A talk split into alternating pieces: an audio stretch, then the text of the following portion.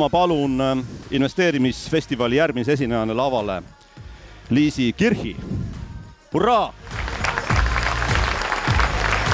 minimalistlik elustiil praktikas on äh, Liisi järgmise esinemise teema ja, ja Liisi on jaeinvestor ja Rahandusministeeriumi rahatarkuse koordinaator, aga nüüd sa saad, lava on sinu ja ole hea, palun.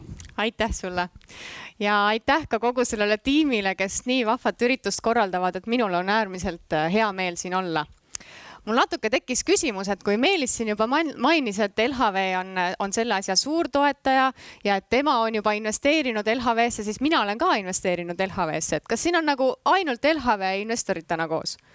et kuidas on, kellel on LHV no näed, tuleb küll käsi. enne kui ma alustan, siis ma tegelikult oma teemasse tahaksin ka paar küsimust küsida, et kui paljud teist on midagi kuulnud minimalismist? Väga hästi, siin on eksperdid koos. Ja nüüd, kui paljud harrastavad?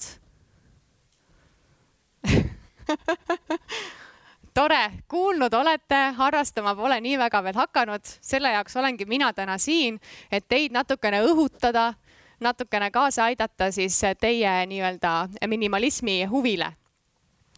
kui ma kõigepealt endast hakkan rääkima, siis selles raamatus, mille me kõik eile või täna hommikul saime siin on minu kohta kirjas, et ma olen jaeinvestor ja õpetaja.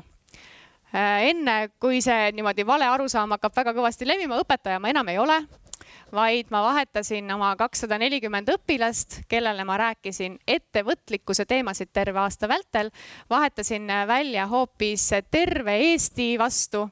Äh, lootusega siis rahatarkust edendada nii, et, et rahatarkus jõuaks siis kõikide meie lasteni ja loodetavasti ka kõikide suuremateni nimelt võtsin ma vastu siis veebruaris sellise võimaluse alustada Rahandusministeeriumis rahatarkuse koordinaatorina. nii et kui teil on vahvaid ideid, kuidas me võiksime rahatarkust edendada, kuidas me võiksime oma lapsi harida, kuidas me võiksime iseennast harida, siis igal juhul te võite mulle alati kirjutada, helistada, joonistada. võtan vastu, kuulan ära kõik teie põnevad ideed eh, kui ma veel endast natukene räägin, siis mina alustasin investeerimisega kahe tuhande kümnendal aastal kõigepealt alustasin ma säästmisega, mis tundus mulle endale nagu hästi loogiline, et kui ma lähen tööle, siis järelikult panen ma midagi oma rahast ka kõrvale. sealt edasi tuli juba see investeerimise huvi ja nii see asi niimoodi hakkas vaikselt paisuma, kuni idee finantsvabadusest jõudis kuskil kaks tuhat neliteist aastal alles. et ühesõnaga selline baas oli nagu laotud, idee oli nagu all olemas ja kui siis tuli see finantsvabaduse kontseptsioon, siis oli, oh, see ju sobib ideaalselt minuga samamoodi läks selle minimalismiga. selliselt äh, mitteteadlikult olen ma harrastanud seda juba, ma ei tea, nii kaua, kuni ma mäletan, tõenäoliselt tuleneb, tuleneb see kuidagimoodi kasvatusest, võib-olla sinna hulka ka mingid omad kogemused. Ja siis, kui ma lõpuks jõudsin minimalismi ideeni, siis see oli täpselt samamoodi nagu finantsvabadus, et oh, see ongi ju see, seesama asi, mille, mida mina olen kogu aeg mõelnud, mida ma olen niimoodi vaikselt praktiseerinud mis see minimalism üldse selline on? kui mina kuulsin esimest korda seda sõna, siis mulle tuli ette selline suur äh, valge pilt, mille keskel on üks pisikene siis äh, must ruut. selline kunstivooluna minimalism. aga see tegelikult ütleb kõik ära. üks konkreetne must ruut valgel taustal, täiesti lihtne, mitte midagi üleliigset, mitte midagi pole puudu ja tegemist on kunstiteosega niisamuti on, on minimalism jõudnud ka minu ellu selle väikese musta ruuduna ja pannud kõik need minu mõtted ja minu tegevused koonduma justkui selle ühe väikese musta ruudu sisse. kui ma mõtlen minimalismile ja kui ma guugeldan seda, siis mis te arvate, mis mulle vastu tuleb? mulle tuleb tegelikult vastu terve hulk selliseid pilte, kus on valge tühi sein ja siis on üks lill vaasis või äh, tuba, kus on ainult diivan ühesõnaga vähe asju. minimalism esindab hästi palju seda, et ma teen pigem vähem või et ma oman pigem vähem, kuid selle eest saan ma sellest vähesest palju-palju rohkem, kui saab see inimene, kellel on tuba täis asju. seesama, see vähe asju, see tegelikult äh, kontseptsioonina on nagu hästi äge et kui mina alustasin äh, täiesti sellist äh, teadlikku minimalismi poole pürgimist oma kodus, siis see nägigi nii välja, et, et ma lihtsalt viskasin pooled asjad välja. sest et meil kipub olema see harjumus, et kuna see tarbimine on tehtud niivõrd lihtsaks, see, et, et ma saan kaardiga viibates osta endale ükskõik mida kokku ja see käib nii kergelt sõrmenipsuga, siis äh, tegelikult see natukene soosib seda, et meie elamised, meie kodud on asju hästi-hästi täis kuhjatud. kui paljusid asju te tegelikult reaalselt kasutate? nii et, et neist ka nagu tegelikult tolku on. Aus vastus on, et me kasutame nendest vaid väheseid asju minu hästi hea näide on garderoob. kui ma võtsin ette garderoobi koristamise, loopisin sealt pooled asjad välja, siis kadus ära see probleem, mis on valdaval enamikul naistest. see probleem, et kapp on riided täis, selga panna, pole mitte midagi. nüüd mul on nii, et mul on seal vähe asju ja kui ma hommikul ärkan ülesse ja mul on vaja ruttu otsustada, nii, täna on vaja midagi selga panna, siis mul ei ole seda miljonit valikut, mis ühtlasi tekitab selle, et, et valikuid on nagu liiga palju ja ma ei jõuagi oma otsustes mitte kuhugile. ma tean, et kui on vähegi pidulikum sündmus, mul on umbes üks kleit, mis on pidulik. kui on tavaline tööpäev, siis mul on noh, niisugune kolm-neli komplekti. noh, valik on lihtne. kui komplekte on kakskümmend, siis ma nagu kaon juba ära, et oo, täna võiks selle, ei selle, ei, see ei sobi. noh, ja siis ma jäängi sinna otsustama, mis tegelikult röövib ära minu väärtuslikku hommikuaega, mida ma võiksin kasutada magamiseks, söömiseks, hommikuseks jooksuks, mida iganes Eh, teine asi, mis kaasneb sellega, et mul on näiteks vähem riideid, on see, et me teeme päevas mingi teatava arvu otsuseid. see on uuringutega tõestatud, et me suudame otsustada kindla arvu asju äh, siis päeva jooksul ja kui minu hommikune energia läheb selle peale, et ma teen nagu miljon otsust juba ära puhtalt selle peale, et, et mida ma selga panen, noh, siis see tegelikult ei ole kuigi efektiivne kui mul on aga valikuid vähem, siis järelikult saan ma otsustada võib-olla ka palju olulisemaid asju. see, kui ma hakkasin peale oma garderoobist ja proovisin sealt neid asju võimalikult väheseks saada, viis edasi selleni, et ma hakkasin neid asju vähendama ka igalt poolt mujalt. Mis ühtlasi annab mulle palju-palju rohkem ruumi. ma näen, et mu kodu püsib palju paremini korras. ma näen, et mul on nagu vähem asju, vähem stressi vähem jauramist nende asjadega, sest et neid on lihtsalt vähem. ja see ühtlasi annab mulle tegelikult palju-palju rohkem aega ja energiat tegeleda kõikide muude asjadega. kui ma tulen nüüd äh, maailmaklassi näidete juurde, siis minu meelest hästi hea näide on Steve Jobs. Kes on lugenud Steve Jobsi eluloo raamatut? väga hästi, siis te teate, et Jobsi eluase nägigi vahepeal välja selline, et tal oli madrats keset tuba ja siis tal oli Apple'i arvuti, kõik. tema puhul oli see asi muidugi selles, et ta ei suutnud lihtsalt otsustada, noh, sellise äh, väga äh, karmi perfektsionistina tahtis tema saada oma elamisse ainult neid täpselt õigeid asju neid, mis vastavad täpselt tema enda peas loodud kriteeriumitele ja see tingis selle, et tal noh, lihtsalt ei olnud neid valikuid. ta ei leidnud seda õiget asja ja siis ta piirduski ainult hädavajalikuga, milleks siis antud juhul oli see madrats ja see arvuti. mida ta aga välja on toonud selles samas eluloo raamatus, oli see, et kui tal oli vähe asju, siis valitses kord mitte ainult tema elamises, vaid tegelikult ka tema peas sellepärast, et tal ei olnud kõiki neid asju, mis oleks tõmmanud seda liigset tähelepanu, võtnud ära tema energiat, mille ta sai hoopis suunata siis oma imeliste arvutite ja kõikide arvutiga seotud nende vidinate loomisele see tegelikult tõi meile selle imelise disaini ja kui te vaatate seda Apple'i disaini, mis on ka, eks ju, noh, ma ei tea, võtan mingi suvalise iPodi, ta on lihtsalt selline valge, seal on see õunakujutis peal ja ongi kõik. See on ju ka minimalism, tegelikult täiesti minimalism praktikas. kui ma tulen tagasi nüüd selle juurde, et äh, vähem asju, rohkem aega siis viib see mind hästi olulise teema juurde, mida ma ka ise igapäevaselt alati mõtlen. ja selleks on äh, prioriteedid. kui mul ongi päevas vähe tegevusi, sellepärast et minimalismina ma proovin neid tegevusi ikkagi järjest vähendada, mitte nii, et mul on koorilaul, siis on tantsutrenn, siis on kool, siis on töö ja kogu mu aeg on ühtlaselt ära planeeritud, seda ma harrastasin ülikooli ajal. Äh, siis tegelikult see, kui ma panen endale päevaplaani vähem tegevusi, siis see viibki mind selleni, et ma pean tegema valikuid ja ma leian enda jaoks ülesse, mis on need prioriteedid, mis on olulisem.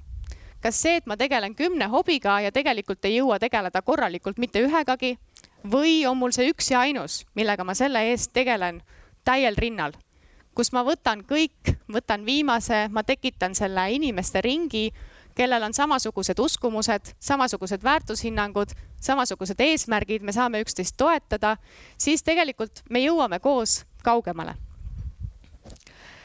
Nende samade prioriteetide seadmisega tegelikult on ju nii ka töös ja nii on ka finantsvabaduseni pürgimisel kas on oluline see, et ma investeeriksin absoluutselt igasse varaklassi, mis vähegi olemas on, või ma teen endale selgeks paar üksikut varaklassi, mis on minu jaoks olulised, mis on minu jaoks tähenduslikud?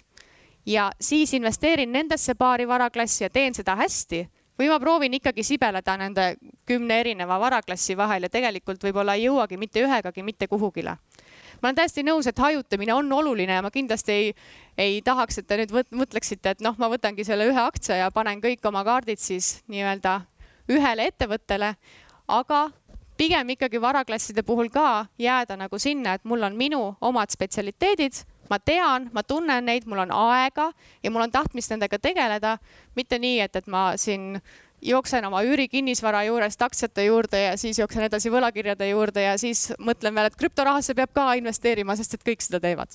noh, see ei ole nagu jätkusuutlik, et pigem mõtle enda jaoks välja, mis on sinu jaoks need olulised asjad ja mis on need prioriteedid.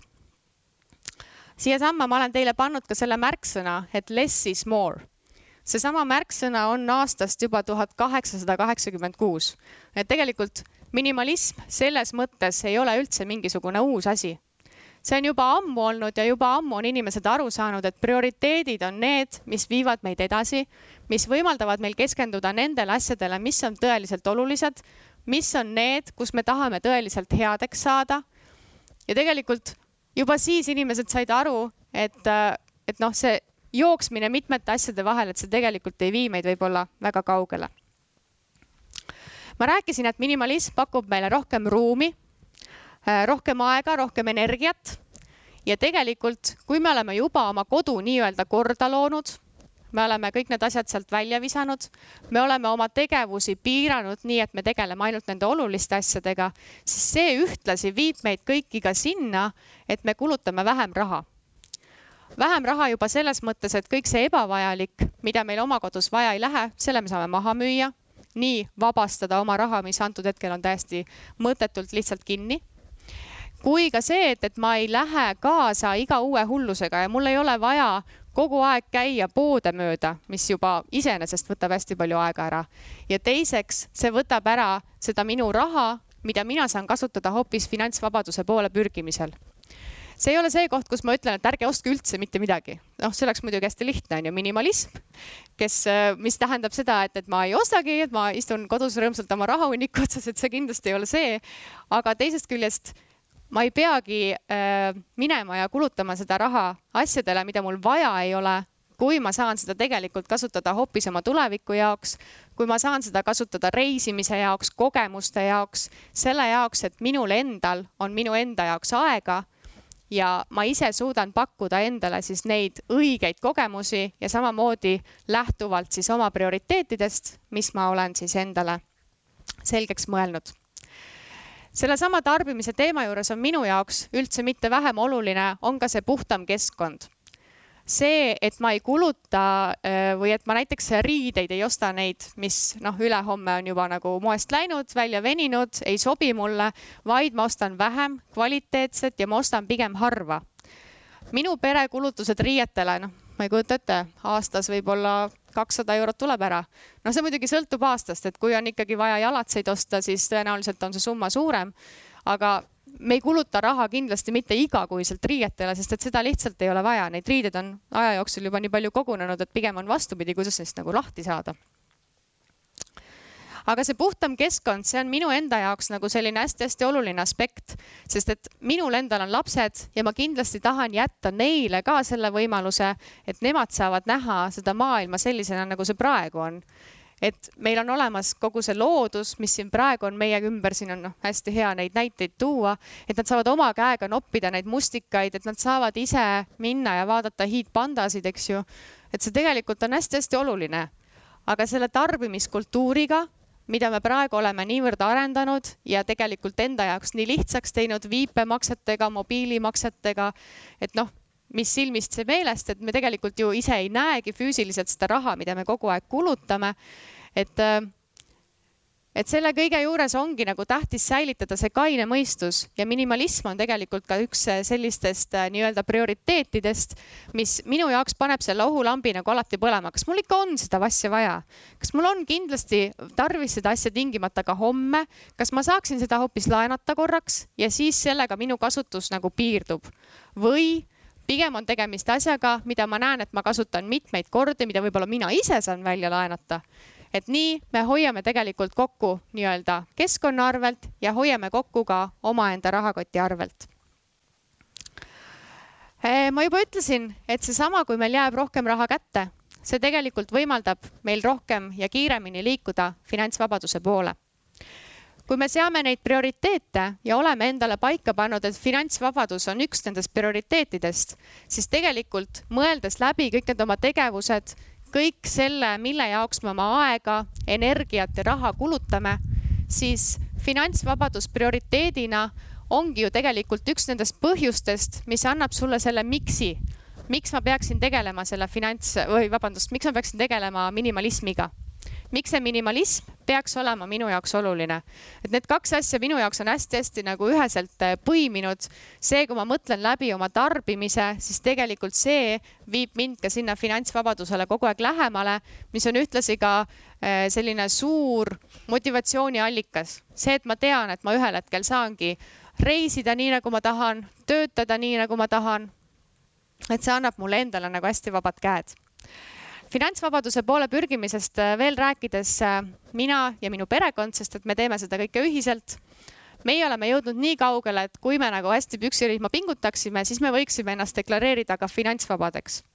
me ei tee seda veel, äh, sellepärast et me tahame võimaldada endale seda, et et noh, me saaksimegi reisida täpselt nii, nagu meie ise parasjagu tahame, et me saaksime võimaldada endale seda meelelahutust ja ja võib-olla jah, just nimelt vaba aega kusagil teistes riikides.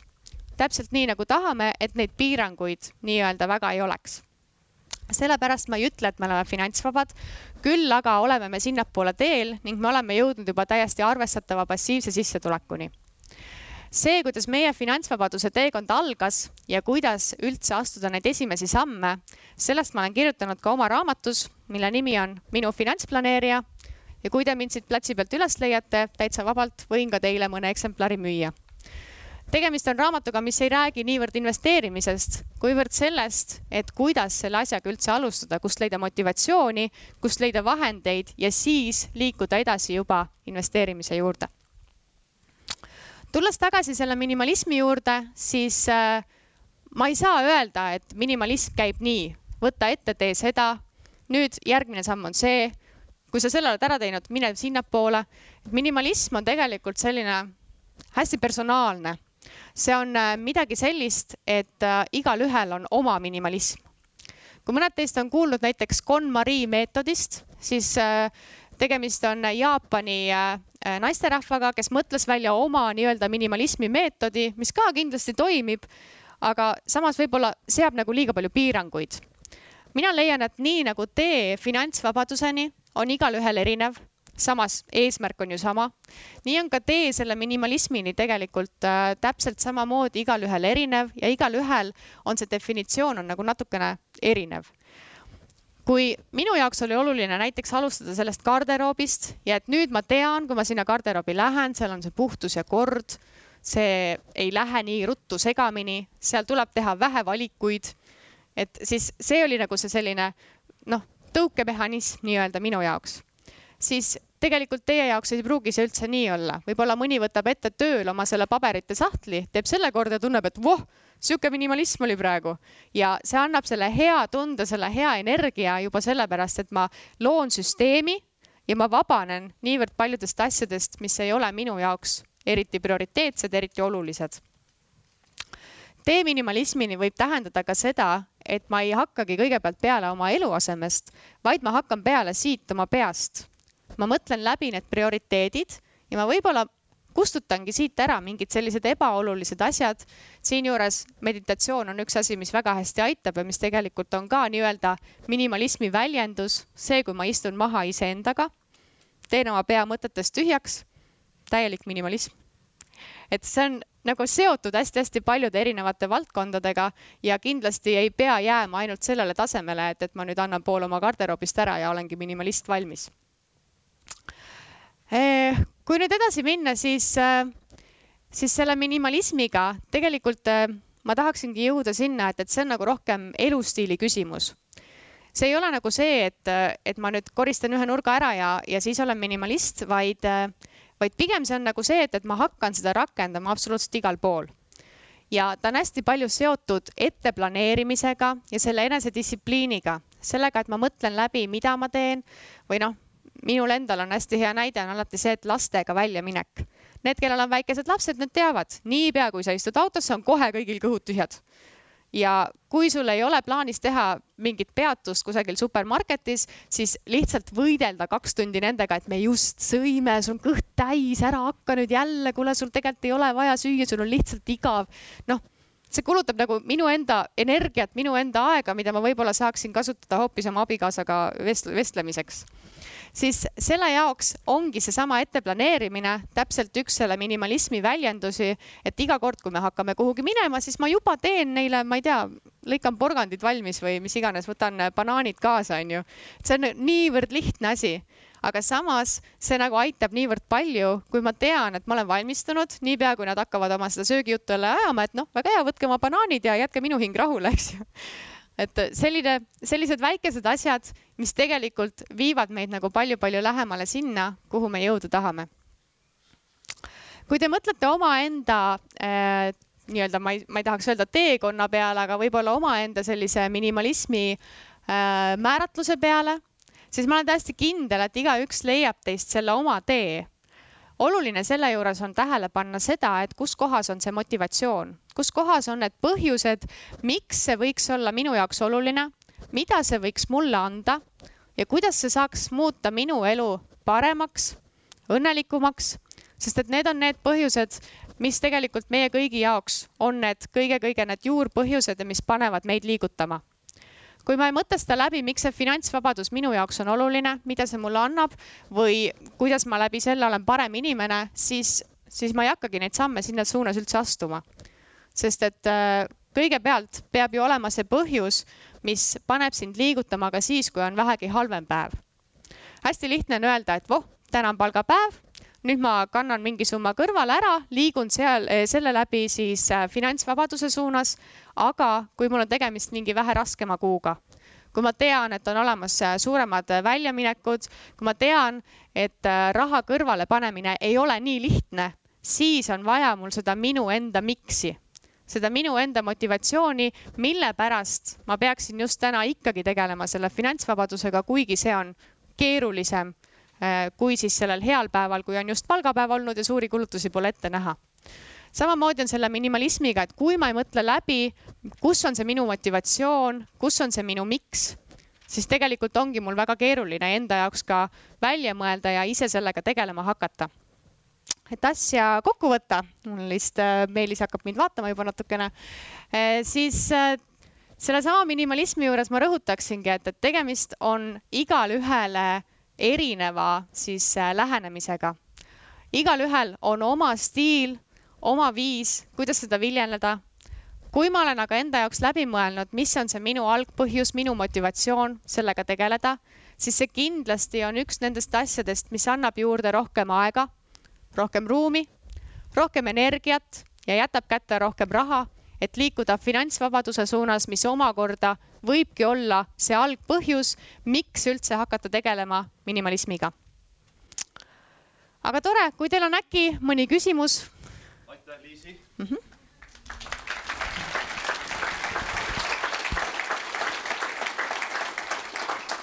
kas sul mõni pahe ka on, millest sa lahti tahad saada? kindlasti midagi leiab kui hästi mõelda. kui hästi mõelda. mis see võiks olla, mis need nagu, ma kuulen, et tegelikult on sul kõik paigas. loomulikult ei, tegelikult minul on ka halbu päevi.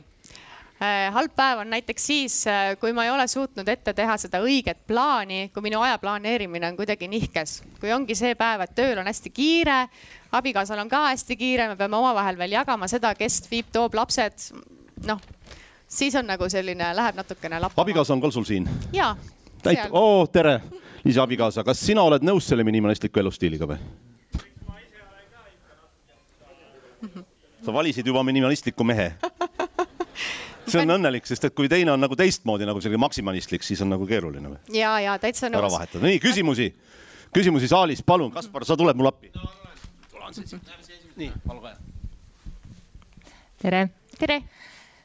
mina mõtlesin selle peale, et kuidas saaks äh, Äh, ma mõtlen nagu toidu peale, ütleme pere selline toidulaud, et äh, ma olen tähele pannud, et see on nagu viimasel ajal selline koht, kuhu lähebki vist reaalselt meil enam-vähem kõige rohkem raha.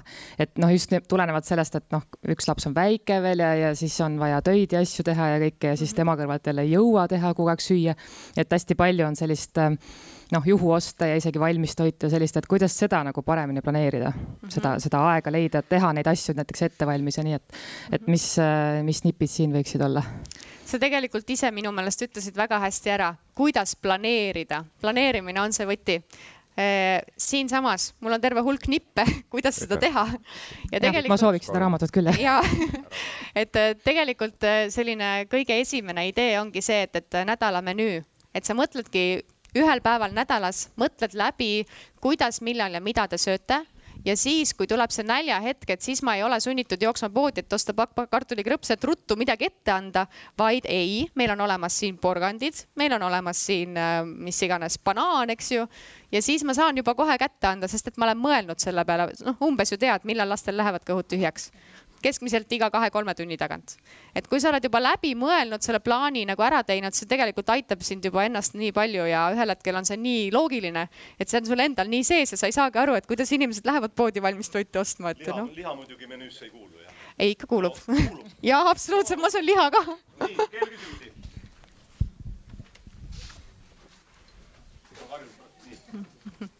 siin ees, palun. siiasama kas teie lastele meeldib ka see söögi minimalism, et ei söö porgandi nüüd minu lapsed on nii väikesed, et kui nad tulevad, et emme, kuule, et, et noh, nagu tahaks midagi ja ma annan neile porgandi ette, siis ja nad on täitsa rõõmsad sellega, aga see on ka see harjutamine, vaat maast madalast, eks ju. et kui me oleksime olnud krõpsudieedil ja siis ma järsku ütleksin, et nüüd hakkame porgandit sööma, siis ma arvan, et see oleks natuke keeruline. nii veel küsimusi? siia aitäh, selline ilus ja üllas jutt. Äh, et kuna te tõite seose finantsvabadusega ka, et siis äh, jäi arusaamatuks, et, et ma pigem, kui, kui seda niimoodi puudutada, siis jäi kõrvale see, et oma sissetulekuid suurendada on ka alati variant et kui me peaksime oma peres viima riiete kulud kahesaja euroni aastas, et siis lihtsam on sissetulekut suurendada, kui, kui kulusid niimoodi kärpida. et kuidas te sellesse suhtute? Täi-, täiesti nõus. mina olen alati leidnud, et et selline säästlik elustiil, et see kindlasti aitab finantsvabadusele kaasa teisest küljest sissetulekuid suurendades ongi ju suurem hulk raha, mille pealt sa saad ju noh, säästa ja kui sa tegelikult saad ka oma kulusid kasvatada, kui sul seda vaja on äh, selle juures äh, ma tahaksin lihtsalt äh, rõhutada nagu seda, et, et vahet ei ole, kui suured on sinu sissetulekud. kui sa kõik selle ära kulutad, siis ei ole mingit vahet, kas sa teenid tuhat eurot või kolm tuhat eurot, siis ei jää sul lihtsalt mitte midagi järgi, mida investeerida. et selles mõttes see taandub ikkagi sellele, et kui palju ma oma sissetulekutest kõrvale panen hoolimata sellest, kui suured need sissetulekud on, et loomulikult sissetulekute suurendamine on täiesti asjakohane siin. kuhu te olete investeerinud mehega? sa Elfed mainisid, kuhu veel? ühisrahastusest oled väljas, kullast oled väljas, kus on, kus oled sees? meil on niimoodi, et äh, me oleme portfelli ära jaganud äh, siis neljaks erinevaks osaks. kolmandik on kinnisvara, kolmandik on kinnisvaraga tagatud laenud, kolmandik on võlakirjad ja ülejäänud kümme protsenti jaguneb sularaha, aktsiad, vahel ka ühisrahastus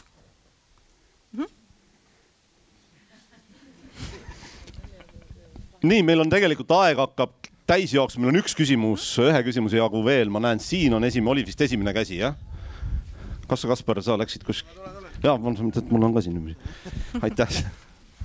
tervist, huvi pärast küsiks lihtsalt, et mitu autot teil peres on ja kuidas te selle transpordi logistika olete nagu välja mõelnud, et ise mõtlen üldse nagu autodest lahti saada, et palju sul on autosid? ei, mul on üks auto, nagu ma elan Tallinna kesklinnas, et selles mõttes siin Bolt ja mm. -hmm. Taxify ja nii edasi võimaldavad täitsa seda, et kuna meil on peres kaks väikest last, siis meil on üks auto.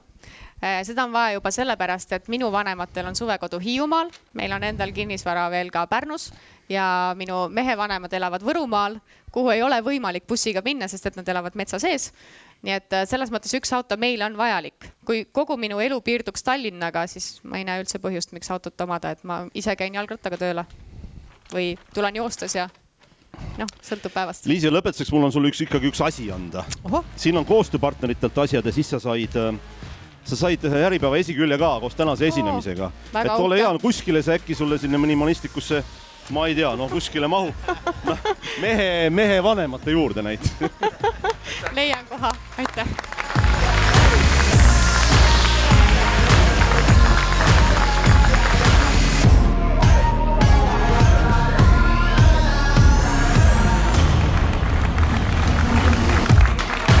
autogrammi